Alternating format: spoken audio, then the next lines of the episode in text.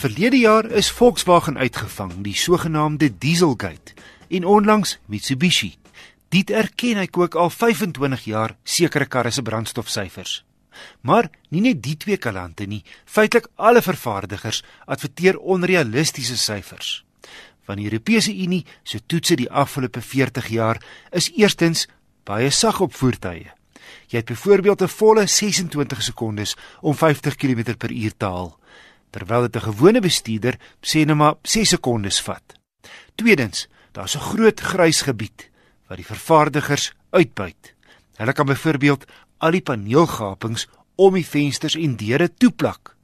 Die spaarwiel uithaal, spesiale smeermiddels gebruik en die wiele baie styf pomp. Ongelooflik, maar waar. En daar's ook nog ander maniere van die werklikheid sy stap.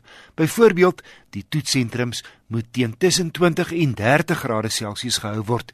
So karre word teen 29 grade getoets, waar enjins meer doeltreffend is. Die vraag is natuurlik, wat help die laboratoriumtoetse indien dit nie werklike rytoestande reflekteer nie? En op dië manier word koolstofdioksiedsyfers wat direk verband hou met brandstofsyfers ook gemanipuleer. My toetskarre lewer op my standaard brandstofroete 'n syfer van enigiets tussen 10 en 30% hoër as die fabrikaat se amptelike syfer. Daar is egter een vervaardiger wie se syfers klokslag ooreenkom met my toetsroete sin. Suzuki. Die stuk of 10 Suzuki toetsmodelle wat ek die afgelope 4 jaar getoets het, gee 'n syfer identies aan of hoogstens 0,3 liter per 100 km swakker of beter as die amptelike syfers. Soos die Swift Sport 3 weke gelede.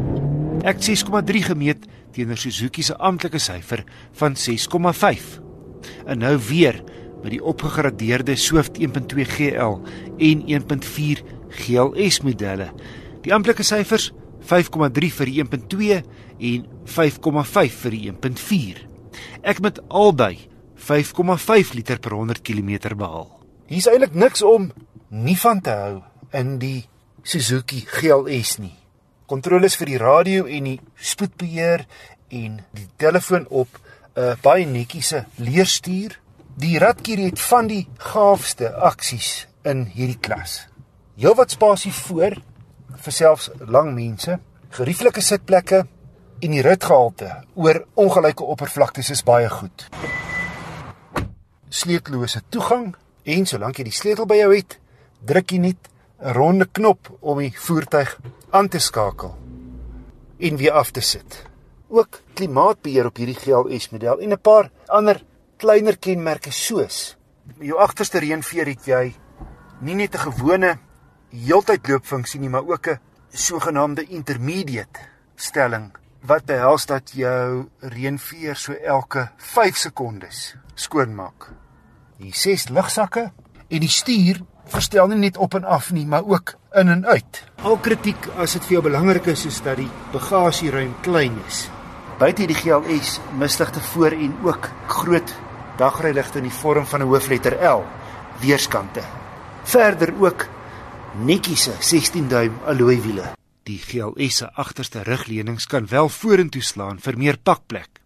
Maar indien jou begroting nie tot 219 000 rand strek nie, Die 1.2 GL is vir so net onder die 160 000 te koop.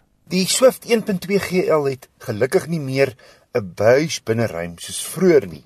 Nou dieselfde meer praktiese en sagter op die oog, swart. Soos die aansienlike verskil in prys aandui, is die GL minder luks, boonbehalwe 'n kleiner oond.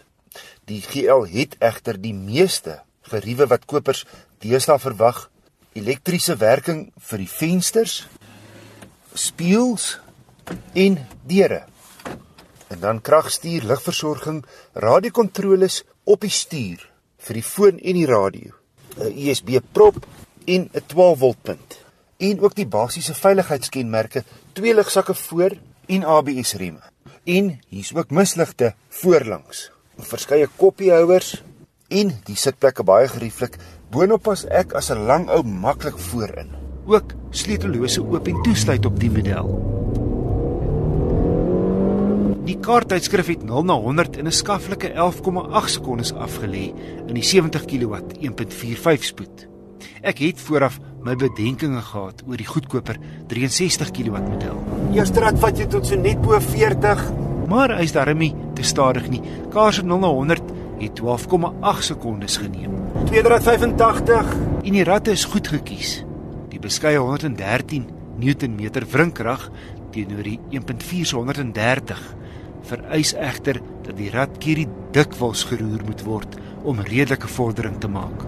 derde rad 130 op die spoedmeter en teen 120 'n relatiewe rustige 3500 in vyfde. Maar jy moet maar afrat om um, jou snelwegspoed te hou. Gelukkig is die rataksie lig en sekuur. Om op te som, die Swifts is twee oulike luikere. Hulle ry en bestuur lekker. En veral die GL wat in Indië gebou word, hanteer swak paaie besonder goed met sy hoër grondvryhoogte 170 mm teenoor die GLS se 140. Ongelukkig het die swak rand ook Suzuki se pryse 'n hele end opgestoot. 2 jaar gelede byvoorbeeld het die 1.2 GL 136900 gekos. Nou sy R23000 duurder teen 159900. Maar albei Swifts, die 1.4 GLS kos 218900 is goed toegerus vir wat jy betaal.